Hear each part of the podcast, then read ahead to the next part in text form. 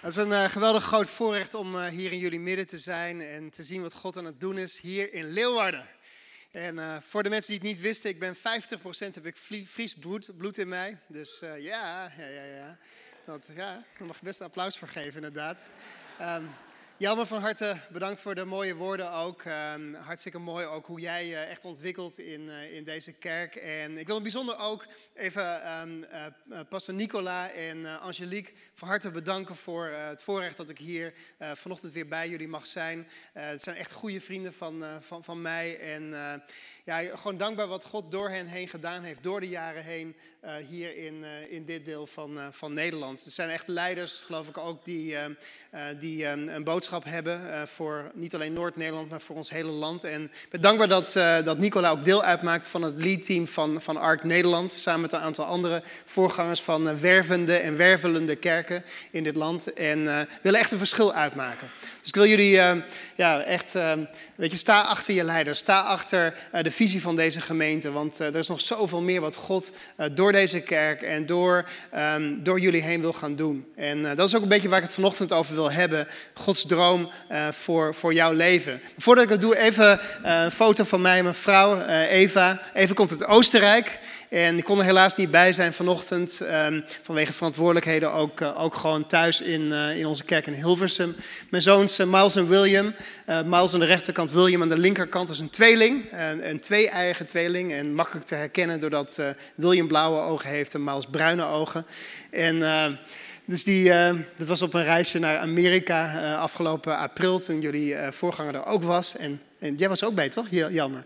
En um, Fantastische tijd. Maar ik wil de groeten overbrengen van, uh, van Thousand Hills. We hebben twee locaties. Eentje in Hilversum, waar we oorspronkelijk begonnen zijn. Ook eentje in Huizen. Dat is uh, ongeveer 15 kilometer verderop. Totaal andere setting uh, gelijk. ook al is het allebei binnen het gooi. maar Hilversum is echt een, een ontkerkelijkte uh, setting, uh, heel erg materialistisch. En huis is veel meer een traditionele, gereformeerde bondsachtige setting. En uh, we, we, we, merken dat het heel belangrijk is om ook daar rekening mee te houden met hoe je ehm, het evangelie verkondigt en, en de kerk bouwt. En, maar het is mooi om te zien ook wat daar God aan het doen is.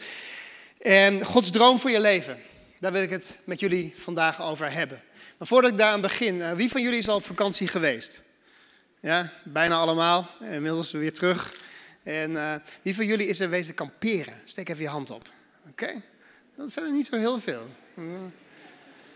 Ja, toch een aantal, aantal heel enthousiaste kampeerders die blijven gewoon hun hand omhoog houden. Super. heel goed. En uh, het verhaal waar ik vandaag op wil gaan inzoomen, uh, doet me heel, denk, heel erg denken aan kampeervakanties. Weet je, Nederlanders staan er berucht omdat ze met hun sleurhutten naar, uh, naar het zuiden afreizen. En dan vooral plekken als Frankrijk. Uh, er zijn gebieden in de Dordogne waar je meer Nederlandse kentekens ziet dan Franse kentekens. Wie van jullie is in de Dordogne geweest? Ja, toch wel een paar. Oké, dat zit echt helemaal vol. Eh, dat soort plekken. En, maar het verhaal waar ik wil naar gaan kijken vandaag is eigenlijk een verhaal waarin Gideon, dat is een held uit het Oude Testament, die in het begin helemaal niet zo'n held was. Was een beetje een held op sokken. Maar die, die stond op het punt om overgelopen te worden door een hele grote groep kampeerders. En die kampeerders die zaten in de vallei van Israël. En uh, ze waren wat minder rustig dan de gemiddelde Nederlandse kampeerder in Frankrijk. Alhoewel die met een paar biertjes op misschien ook wat minder rustig zijn. En um, dat was een beetje de setting van, van het verhaal. Er waren een aantal legers die waren samengekomen in die vallei, uh, namelijk de Midianieten, de Amalekieten en een mysterieus volk uit het oosten. Die hadden hun kamp opgeslagen in die vallei om, om, om eigenlijk Israël, het beloofde land, over te gaan nemen. En terwijl dit gebeurde, kwam de geest van de Heer, de Heilige Geest, kwam over die man Gideon. Om hem voor te bereiden op de taak die hem te wachten stond. Dan staat er in uh, rechter 6, vers 34. Toen bekleedde de geest van de Heer Gideon. Was alsof hij een soort van jasje aandeed. Bekleed werd, bekrachtigd werd door de Heilige Geest. En, en je kunt zien hoe Gods geest jou kan bekrachtigen om grote dingen te doen voor God. Daar, daar staat het Bijbelboek Gideon eigenlijk vol van. Maar Gideon wist nog niet zeker of, of God werkelijk tot hem gesproken had. Dus hij vroeg een aantal tekenen van God om aan hem te laten zien of het werkelijk waar was dat God hem geroepen had. Maar terwijl hij nog niet eens zo zeker wist of God hem geroepen had, bleek wel dat Gideon een hele goede recruiter was. Hij, uh, hij, was in staat om, om een heel leger bij elkaar te brengen. En, niet alleen de mensen uit zijn eigen stam sloten zich aan bij hem. Nee, allerlei andere um, mensen uit andere stammen sloten zich ook aan bij hem. Mensen uit de stammen Manasse en Aser en Zebulon en Naphtali. Dat zie je in rechter 6 vers 35. En deze man, Gideon, die wist, was in staat om een leger bijeen te brengen van wel 32.000 mensen. 32.000 mensen. Dat is best goed. Het enige probleem was dat het leger van de vijand, dat gecombineerde leger, wel 135.000 soldaten groot was. Moet je je voorstellen. Dat is ongeveer één Israël, Israëlitische soldaat op vier Midianitische krijgers. Ze waren ver in de minderheid. Maar met God aan hun zijde zou ook dit mogelijk moeten zijn. Toch? Ja, oké. Zijn je het met me eens of niet? ik, ik, ben gewend om een beetje reactie te krijgen vanuit de zaal, mensen, vanuit Hilvers. Dus je moet me af en toe even helpen met te preken, oké? Ja, dat is wel nodig, dat is wel nodig. Maar dan zegt God eigenlijk zoiets tegen, tegen, tegen Gideon. Van hey, die 32.000 mensen die je bij je hebt, dat zijn eigenlijk te veel mensen omdat de Israëlieten zullen denken dat, dat, dat doordat ze zo'n grote legermacht hadden, 32.000 mensen, dat het hun eigen kracht was waarmee ze de Midianieten verslagen hebben. En, en, en dus niet mij de eer geven van de overwinning. Dus laat iedereen die bang is, laat die naar huis toe gaan. Uiteindelijk trokken 22.000 mannen weg en waren er nog maar 10.000 over. Dat is, dat is één Israëlitische soldaat op 13,5 vijandige krijgers. Ja, ook halve krijgers hadden ze daar. Maar dat was nog niet genoeg voor God. Hij zei van ja, ook 10.000 zijn er nog te veel. Want nog steeds zullen ze zeggen van hé, hey, wij hebben het zelf gedaan in onze eigen kracht. En dus moest Gideon nog een, nog een test doen eigenlijk om, om dat leger van 10.000 drastisch uit te dunnen tot maar 300 man. Hij moesten in twee groepen verdelen en ze moesten water gaan drinken bij een, eh, bij een, eh, bij een bron. En eh, ze moesten in twee groepen verdeeld worden. Eén groep die eigenlijk water opschepte met hun handen en het dan opdronken. En de andere mensen die zeg maar neerknielden en, en het rechtstreeks uit die, uit die bron opdronken. En degene die hun handen gebruikte, dat waren de mannen waarmee Gideon de strijd aan moest gaan. Dat waren er uiteindelijk 300 man die met hem mee mochten optrekken. Dat is één Israëlitische soldaat op 450 vijanden. Moet je je voorstellen. Ik denk echt dat, dat op dit moment Gideon zich, zich op zijn hoofd gekrapt moet hebben van... hé, hey, wat moet ik hier in vredesnaam mee doen? Ik kan op geen enkele manier in eigen kracht deze strijd gaan winnen. Kun je je voorstellen hoe deze man zich voelde? Ik denk dat hij zich werkelijk tegen de muur aangezet voelde om, om, om, om iets te doen wat God van hem vroeg. En ik weet niet hoe het met jullie eens is vergaan, maar ik denk dat we allemaal wel meegemaakt hebben dat God dingen van ons vroeg. Waar, waar, waarvan we dachten van, hé, hey, dat kan ik nooit doen. Het is onmogelijk dat ik dit ooit zou kunnen doen. En weet je, ik moet zelf denken, het planten van een kerk in Hilversum. Ik was doodsbang om, om die kerk te gaan starten. In 2006 zijn we, zijn we begonnen. Ik kan me nog, nog indenken van, ik, ik ben opgegroeid, zeg maar, althans niet opgegroeid, dat is het verkeerde woord. Ik ben later tot geloof gekomen op mijn, op mijn, op mijn 21ste tijdens mijn studie. En ik, en ik maakte deel uit van een kerk uit van, uh, maakte deel uit van een kerk van ongeveer 50, 60 mensen. En ik had dat schrikbeeld voor ogen dat, dat de kerk die ik zou gaan starten altijd 50 of 60 mensen groot zou zijn. En dan niet dat, er, dat het verkeerd is om een kerk te hebben van 50 of 60 mensen, maar ik denk van ja, ik, ik wil een beetje actie hebben. Ik wil nieuwe mensen bereiken enzovoort. En als dat het beeld is van het leiden van een kerk, dan, dan ben ik er doodsbang voor. Maar ik heb me over die angsten heen moeten zetten met God. En ik weet niet hoe het jou vergaan is in jouw leven als, als gelovige. Of misschien uh, ook, ook gewoon in je, in je werk of op, um, in je bedrijf. Misschien als je een eigen bedrijf hebt. Als je denkt aan de kerkelijke setting. Misschien een kleine groep die, um, die, uh, waarvan je weet van dat God van jou vraagt om die te beginnen. Maar je durft het niet. Je durft die stap niet te zetten. Zien ze jou wel zitten als leider? Die mensen die zich bij die groep gaan aansluiten. Sluiten zich überhaupt mensen aan bij die groep? Je bent bang om die groep te starten. Of misschien als je het over financiën hebt. Weet je, zijn er oproepen gedaan van hé, hey, laten we gaan bijdragen, laten we mee gaan bouwen, ook financieel in het huis van God. En dan denk je van ja, die tiende of, of, of hoeveel geld het ook maar, maar mogen zijn. Van, ja, ik durf het geld niet opzij te zetten, want, want ik heb al te weinig geld aan het einde van de maand. En je durft die stap niet te zetten. Misschien met je collega's over Jezus spreken. Mensen uitnodigen, zoals je eerder ook al hoorde tijdens deze dienst. Ik durf het niet. Misschien word ik afgewezen als ik hen, hen uitnodig voor een dienst hier. zijn allemaal van die dingen die God van ons vraagt. Waar we bang van kunnen worden, waar we terug van kunnen deinzen. Als dat gebeurt. Waarom vraagt God dingen van mij die ik niet kan doen in eigen kracht? Nogmaals, zodat jij niet met de eer zult strijken als je succes hebt. ik wil vandaag hebben over Gods droom voor jouw leven en hoe je Gods droom voor jouw leven vast kunt grijpen. Hoe je de belofte van God voor jouw leven vast kunt grijpen. Hoeveel van jullie geloven dat God belofte heeft voor je leven? Oké, dat is ongeveer de helft. Dat is mooi. Hoeveel van jullie geloven werkelijk dat God belofte heeft voor je leven? Oké? Kom op, een beetje enthousiasme mensen. Ja. Weet je, midden in de nacht, dan krikt God het zelfvertrouwen van deze man Gideon op. En hij spreekt opnieuw tot hem. Hij zegt dit: Het is zover, doe een aanval op hun kamp. Ik geef het je in handen. Merk op een paar dingen hier, wat, wat, wat er hier gebeurt. Allereerst, de Bijbel zegt niks erover dat Gideon aan het slapen was. God spreekt midden in de nacht tot Gideon, maar Gideon sliep niet of zo. Hij werd niet wakker gemaakt door God. Dus blijkbaar was hij, lag hij wakker te piekeren, na te denken over hoe hij in vredesnaam die vijandelijke legermacht ooit zou kunnen aanvallen.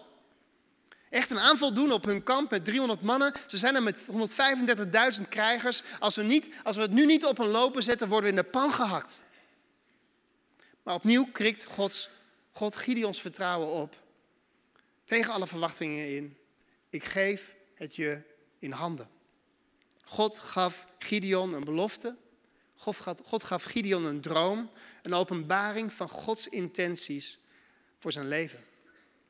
Dan staat er dit. Zegt God tegen hem dit. Als er niet alleen heen durft. Met andere woorden, als je denkt dat ik lieg, Gideon. Neem dan uw dienaar Pura mee.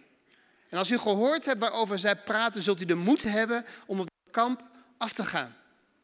Natuurlijk is Gideon bang. Maar God is niet beledigd door het ongeloof van Gideon. Vaak denken we dat, hè? dat als, we, als we ongelovig zijn, als we, als we misschien dingen, als we twijfelen aan ons geloof, als we twijfelen aan de belofte van God, dat God dan denkt van, ah, met die, met die Sebastiaan wil ik niks te maken hebben. Want dat is een twijfelaar. Een lekkere kaas trouwens bij de Albert Heijn. Maar Gideon zat vol met ongeloof. Maar God verwierp hem niet vanwege zijn ongeloof. God geeft hem de mogelijkheid om dan om een gesprek af te luisteren in het kamp van de Midianieten. Sluip erheen en je zult iets horen waarvan je oren zullen gaan klapperen. Je zult verbaasd staan als jij de gesprekken zou afluisteren. Als jij de wil van God wil doen. Zul je verbaasd staan wat de gesprekken zijn tussen de duivel en zijn trawanten over jou. Weet je, jij hoeft niet bang te zijn voor de duivel. De duivel is een verslagen vijand. Hij is bang voor jou als jij de wil van God gaat doen. Als jij grote dingen voor God wil gaan doen. Zal hij juist staan te sidderen als jij op zijn pad komt. Dan staat er dit in vers 11. Toen ging Gideon met zijn dienaar Pura op weg en drong door tot de buitenste wachtpost van het kamp. De Midianieten, Amalekieten en de andere Oosterlingen waren op de vlakte neergestreken als een menigte sprinkhanen. Hun kamelen waren niet te tellen. Ze waren even talrijk als de zandkorrels op het strand aan een zee.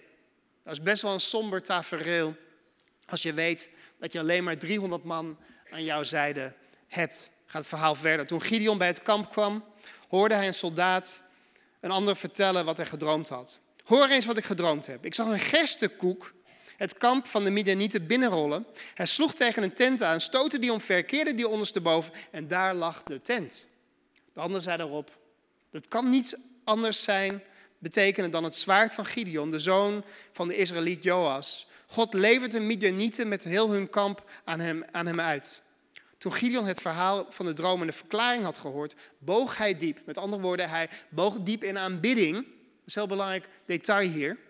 Terug in het kamp van Israël zei hij: Vlug, de Heer levert het kamp van de Midianieten aan u uit. En de rest is geschiedenis. Gideon en zijn 300 mannen renden naar het kamp in het hols van de nacht. En elke soldaat had een kruik bij zich met een brandende fakkel erin. En in zijn linkerhand een trompet in zijn rechterhand. En terwijl ze de heuvel afrenden, braken ze de kruik, zodat de vijand de fakkels kon zien. En bliezen op de trompet en zeiden: Een zwaard! Voor de Heer en voor Gideon. Wat een bluff eigenlijk, want ze hadden helemaal geen zwaarden bij zich. En God zorgde voor een bovennatuurlijke verwarring, waardoor het hele leger op de vlucht sloeg en elkaar aanviel. Gideon deed wat hij kon doen en God deed wat alleen hij kon doen. Dat is wat er gebeurt als we ons vertrouwen stellen in Hem. Als we bereid zijn om die stap te zetten die God van ons vraagt, dan doen wij wat wij kunnen doen in onze eigen kracht. En God doet vervolgens wat alleen Hij kan doen. Hij komt met zijn almacht en geeft ons de overwinning die we nodig hebben. Gideon greep de droom van God vast. Maar hoe kon hij die droom vastgrijpen? Hoe kunnen jij en ik de dromen die God voor ons heeft vastgrijpen en ontvangen? Ik wil je drie meenemers geven. Is het oké als jullie drie meenemers geven? Ik hou van drie punt spreken. En, weet je, ik maak altijd een grapje over in Hilversum. Want soms heb je vier punten in een tekst. Wat doe je dan? Is het opwekking, weet je? Vier punten. En dan bedoel ik niet de grote conferentie mee, nee, dat is opwekking. Opwekking breekt uit als er vier punten of vijf punten zijn. Maar vandaag zijn er gewoon drie punten, zoals een goede preek betaamt. Drie meenemers, praktische meenemers, wat jij wat mee kunt doen in je dagelijks leven. Nou, tot, tot op dit moment had Gideon alleen de belofte van de Heer gehad.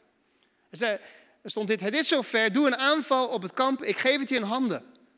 God gaf Gideon een belofte, een droom van een doorbraak. Jaren van onderdrukking door de vijand zouden tot een einde komen.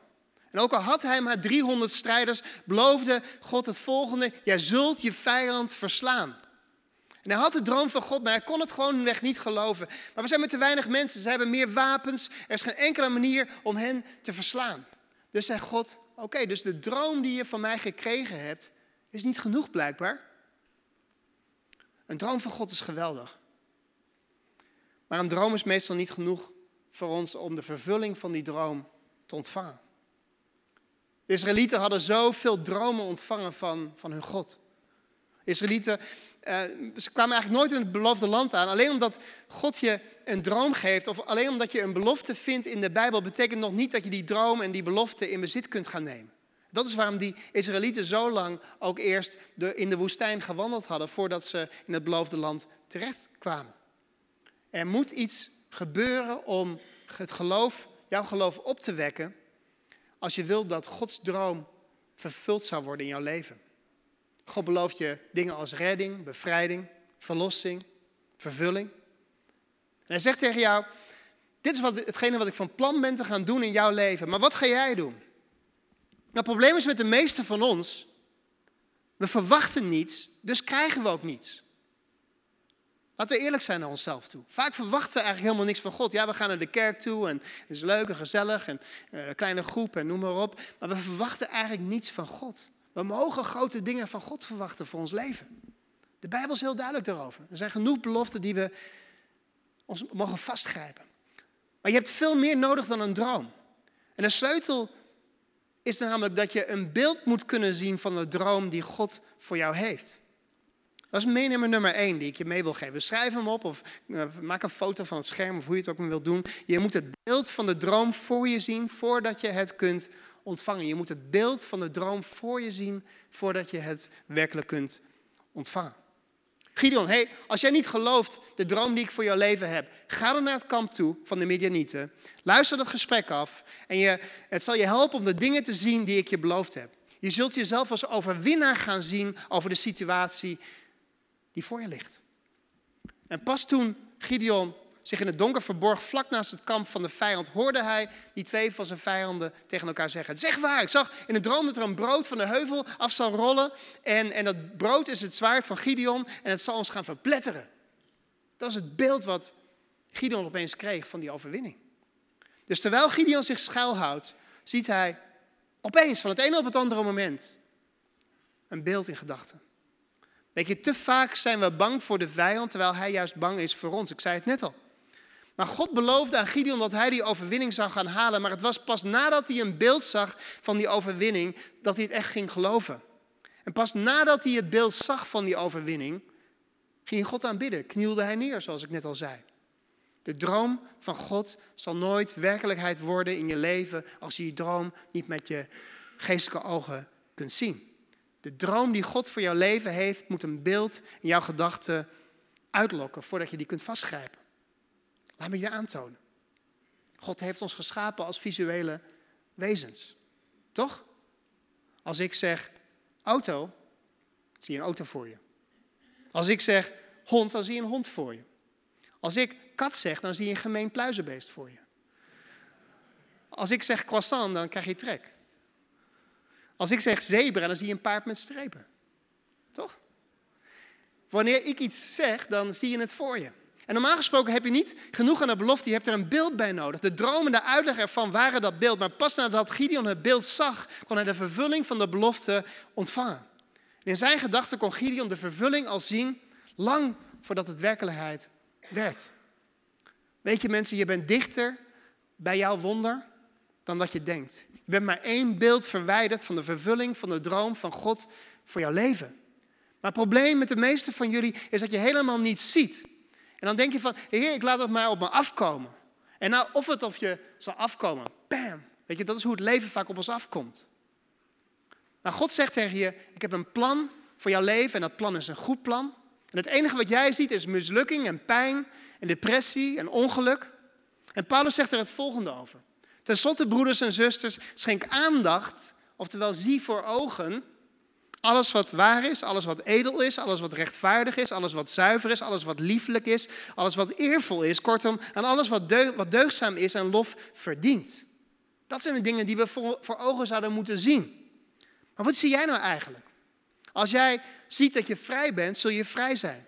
Als jij ziet dat je welvarend bent, zul je welvarend worden. Als je jezelf genezen ziet, zul je genezen worden. Als je jezelf succesvol ziet, dan kun je succes hebben. Als je jezelf gezegend ziet, dan kun je gezegend worden. Dat zijn dingen die je kunt ontvangen in geloof. En je moet de belofte pakken, je moet er je een beeld bij vormen en dan zeggen, ik zie mezelf niet langer als een armoedzaaier, ik zie mezelf niet langer als een verliezer, ik zie mezelf niet tegen de bierkaai vechten, ik zie mezelf niet als een hopeloos geval, ik zie mezelf niet als eenzaam, ik zie mezelf gezegend, alle dagen van mijn leven, hel en goede tierenheid zullen mij volgen. Jouw leven gaat altijd de kant op van het overheersende beeld dat jij toelaat in je hoofd. Dat is de kant waarop je leven zich beweegt. Natuurlijk komen er ellende en, en, dingen op ons pad en ziekte en weet ik veel wat voor toestanden op ons pad komen. Maar je kunt er zelf voor kiezen welke kant je leven opgaat. Met God natuurlijk, in de kracht van de Heer. Want God is voor je, Hij houdt van je met een eeuwige liefde. Hij koestert gedachten over je, gedachten van vrede, niet van onheil. Hij wil je een hoopvolle toekomst geven, zoals Jeremia 29, vers 11 zegt. Dus zie jezelf niet langer als een mislukkeling. Zie jezelf niet langer als een verslaafde. Zie jezelf niet langer als een verliezer. Zie jezelf niet langer als een niemand die nergens naartoe gaat en niets doet. Wanneer je jezelf vult met het woord van God, worden jouw gedachten vernieuwd en wordt het beeld van Gods belofte gevormd in jou. En alleen als die beloften een beeld uitlokken, kun je ze ontvangen. Je hebt een beeld nodig van de belofte. Je hebt een beeld nodig van die droom. Je hebt een visie nodig. Je hebt een openbaring nodig van God. Zo belangrijk. In uh, Spreuken 29, vers 18 zegt, staat er dit. Bekende tekst. In, indien openbaring ontbreekt, verwildert het volk. Herziene statenvertaling. Als er geen visioen is, raakt een volk losgeslagen. Waarom raken jonge mensen verzeild in drugs en, en dronkenschap en leiden ze een losbandig leven? Omdat ze geen visie hebben voor hun leven. Ze weten niet welke kant ze opgaan. En als je, maar als je een doel en een visie voor je leven hebt, dan zijn deze zaken alleen maar afleiding. En zul je, zul je rechtdoor blijven gaan en die dingen aan, terzijde laten liggen. Er is een mooi verhaal in, in Genesis van een oude echtpaar, genaamd Abraham en Sarah die op dat moment nog Abram en Sarai heten. Ze hadden zelf geen zoon, maar God had hen een zoon beloofd. Ze konden geen kinderen krijgen. Maar die belofte die geloofden ze niet, dus gaf God Abraham overdag een beeld. Abrahams nageslacht zou zo talrijk zijn als het zand van de zeekust. Maar ook s'nachts spreekt God tegen hem, dus hij geeft hem een nachtelijk beeld. Jouw nageslacht zal zo talrijk zijn als de sterren in de hemel. Dus telkens als hij omhoog keek s'nachts, zag hij die sterren en moest hij denken aan de belofte van God. Telkens als hij overdag door die woestijn heen liep en, en zandkorrels zag, moest hij denken aan de belofte van God voor zijn leven. Albert Einstein, die zei ooit dit. Verbeeldingskracht is belangrijker dan kennis. Want kennis beperkt zich tot wat we kennen en begrijpen, terwijl verbeeldingskracht de hele wereld omvat. Met alles wat daarin te kennen en te begrijpen is. Je moet het beeld van de belofte eerst zien voordat je het kunt ontvangen. Nou, Gideon zag dus het beeld. hoe reageerde hij daarop? staat dit in Rechters 7, vers 15. Zodra Gideon de dromen zijn uitleg had gehoord, kon hij niets anders doen dan God in aanbidding danken. Ging God in aanbidding danken. Gideon begon te aanbidden nadat hij het beeld had gezien. Maar waarom begon hij pas God te aanbidden nadat hij het beeld van de belofte had gezien? De belofte had hem niet overtuigd, maar het beeld had hem wel overtuigd. Zijn, zijn reactie op het beeld, op het moment dat hij het zag, was, was er een van aanbidding. Hij wist hoe dicht hij bij de vervulling van de belofte was. En dat is meenemer nummer twee voor je. Het beeld van de belofte moet een reactie uitlokken. Het beeld van de belofte moet een reactie bij jou uitlokken. En dat is waarom aanbidding en lofprijs zo belangrijk zijn in een lokale kerk. Het is veel meer dan alleen maar een paar liedjes zingen en weet je, van mooie woorden over God en, en dergelijke. Het is veel meer dan dat, aanbidding en lofprijs. Want aanbidding is een reactie op het beeld dat je van binnen voor je ziet. Wanneer ik het beeld voor, wanneer ik het beeld voor ogen heb, reageert mijn lichaam erop met aanbidding. En daarom hebben zoveel van ons moeite met aanbidden, omdat we met God alles te geven aan, aan, in aanbidding, omdat je eigenlijk niets verwacht. Je weinig geloof hebt en, je de vervulling van de belofte nog niet ziet. En dus reageer je nog niet op, de, op, de, op het beeld van de belofte. Maar stel je nou eens voor. Onlangs, uh, ik geloof dat het in juni was, viel de jackpot van de staatsloterij. Dat was 13,9 miljoen euro. Stel je nou eens voor dat ik die 13,9 miljoen euro zou, zou winnen. Ik kan het wel gebruiken op zich, maar... Zou ik het teruggeven omdat gokken zonde is? Ik zou sowieso nooit een lot kopen, ik ben maar eerlijk met je. Maar, maar wat nou als een van mijn zevenjarige jongens het lot had gekocht en denkt van ah, misschien dat ik die jackpot zou kunnen winnen. En dan belt de loterij mij op, want ik, het zijn natuurlijk minderjarig, dus ze moeten de vader opbellen. Bellen ze me op zaterdagavond op, kwart voor twaalf, en vertellen me dat ik die 13,9 miljoen gewonnen heb. Wat denk je dat ik dan zou doen? Oh, uh, prijs de Heer. We hebben gewonnen. Echt niet. Mijn lichaam zou ontploffen. Ik zou in mijn ondergoed de straat op rennen. Ik heb de jackpot gewonnen. Ik heb 13,9 miljoen euro gewonnen. Echt. Belastingvrij, of weet ik veel. Belasting is al betaald. En direct nadat ik mezelf voor de gek heb gezet, ga ik online en, en, en naar de ABN AMRO-app en dan maak ik gelijk 1,39 miljoen euro over aan de kerk, de tiende. En het beeld dat ik 13,9 miljoen euro gewonnen heb, laat mijn lichaam ontploffen. Maar laat me je dit zeggen, jij hebt geen 13,9 miljoen euro gewonnen. Je hebt ook geen reis gewonnen naar de Seychelles. Je hebt iets veel beters gewonnen dan dat. Je hebt een reis naar het nieuwe Jeruzalem gewonnen. Met straten van goud, zonder pijn, zonder moeite, zonder lijden, zonder ziekte, zonder dood, zonder verleidingen, zonder, zonder, zonder, zonder duivel, zonder tranen, zonder rekeningen, zonder angst, zonder last, zonder depressies. Dat is de reis die jij gewonnen hebt. En als je dat weet, dat je dat gewonnen hebt, op het moment dat we God loven en prijzen hier in de gemeente of thuis of in de auto, waar dan ook, weet je, van dan, dan lokt het een reactie uit in ons. Dan is het meer dan alleen maar van, oh, bo, bo, bo, we zijn aan het zingen. Nee, we zijn aan het we ontploffen van, van aanbidding voor God.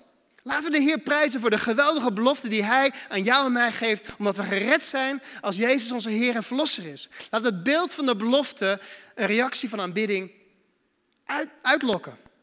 Gods droom voor jouw leven is fantastisch. Laten we respons geven daaraan. Kom, laten we de Heer even een applaus geven daarvoor.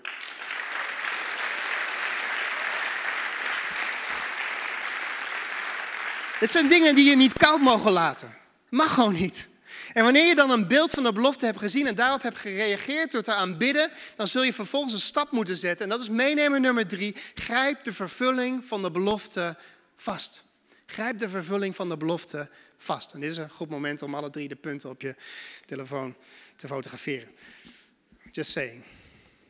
Gideon reageerde met aanbidding toen hij het gesprek van de vijandige soldaten had afgeluisterd. En Gideon is het brood dat de heuvel zal komen afrollen en hij zal ons verpletteren. En vervolgens gebeurt er dit. Terug in het kamp spoorde hij de Israëlieten aan. Het is zover, de Heer geeft jullie het kamp van Midjan in handen. Gideon kon het zien. En hij wist dat hij het grijpen kon. Hij wist dat hij het, het werkelijkheid zou gaan worden. Hij was, nog maar, hij was nog steeds in een minderheid. Hij had nog maar 300 soldaten tegen 135.000. Maar hij wist dat met God aan zijn zijde alles mogelijk was, toch? Alles is mogelijk. Hij trok met 300 man te strijden, greep de vervulling van de belofte vast. Door bovennatuurlijk ingrijpen versloeg hij de vijand, verdreef de onderdrukker uit Israël. Dat kon alleen maar omdat God voor hem uitging en grote verwarring stichtte. Met God is alles mogelijk.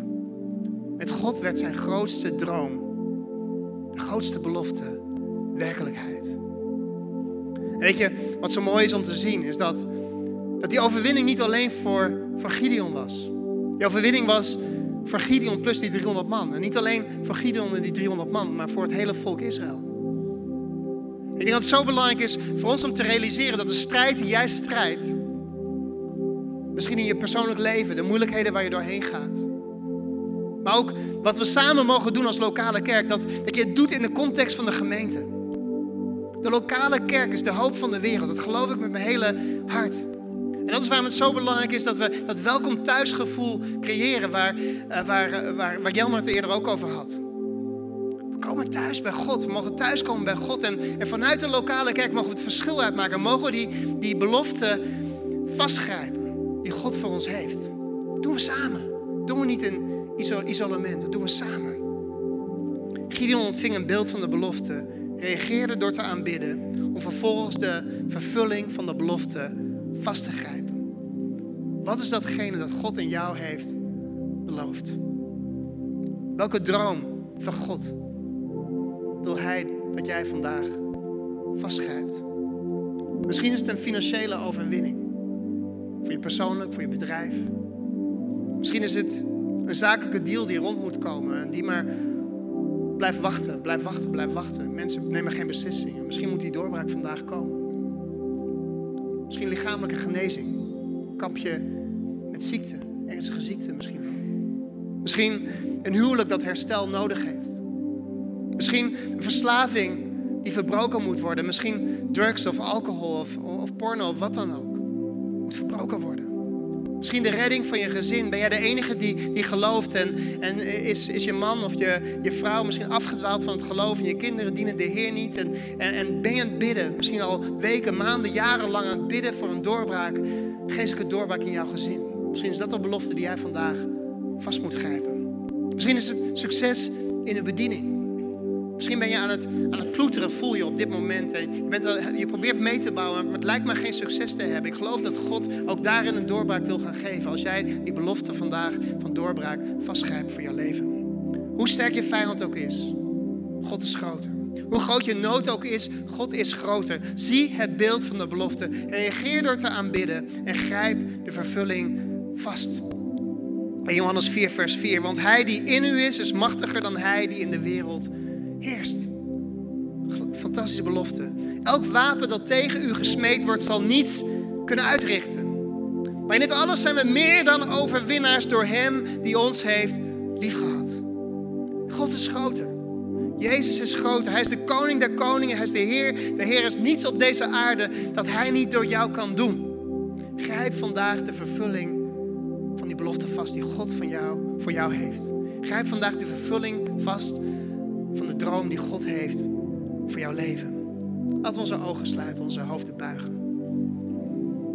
Vader, we komen op dit moment bij u, Vader. We danken u, Heer, dat, u, dat er zoveel beloften zijn en dat die beloften in Christus ja en amen zijn. Dat we alle, alle beloften die u voor ons heeft, dat we die in Jezus mogen ontvangen. En Vader, ik bid op dit moment, Heer, ik weet niet wat u gesproken hebt tegen, tegen iedereen in deze zaal. Het kan inderdaad die doorbraak zijn in het gezinsleven, in een ziektesituatie of, of financieel, wat het dan ook maar mogen zijn. Ik bid, Heer, dat die belofte die u gegeven hebt, dat u hen, wie dat aangaat momenteel, dat u hen een beeld geeft van hoe die doorbraak eruit ziet, hoe die droom eruit ziet.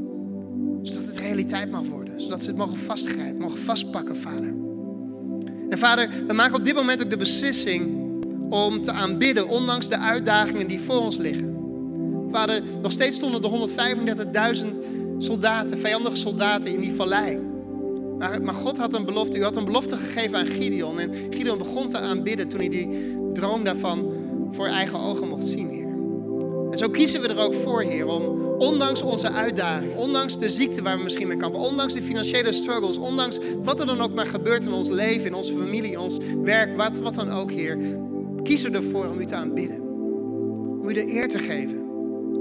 En door geloof, Heer, grijpen we de vervulling van de belofte vast.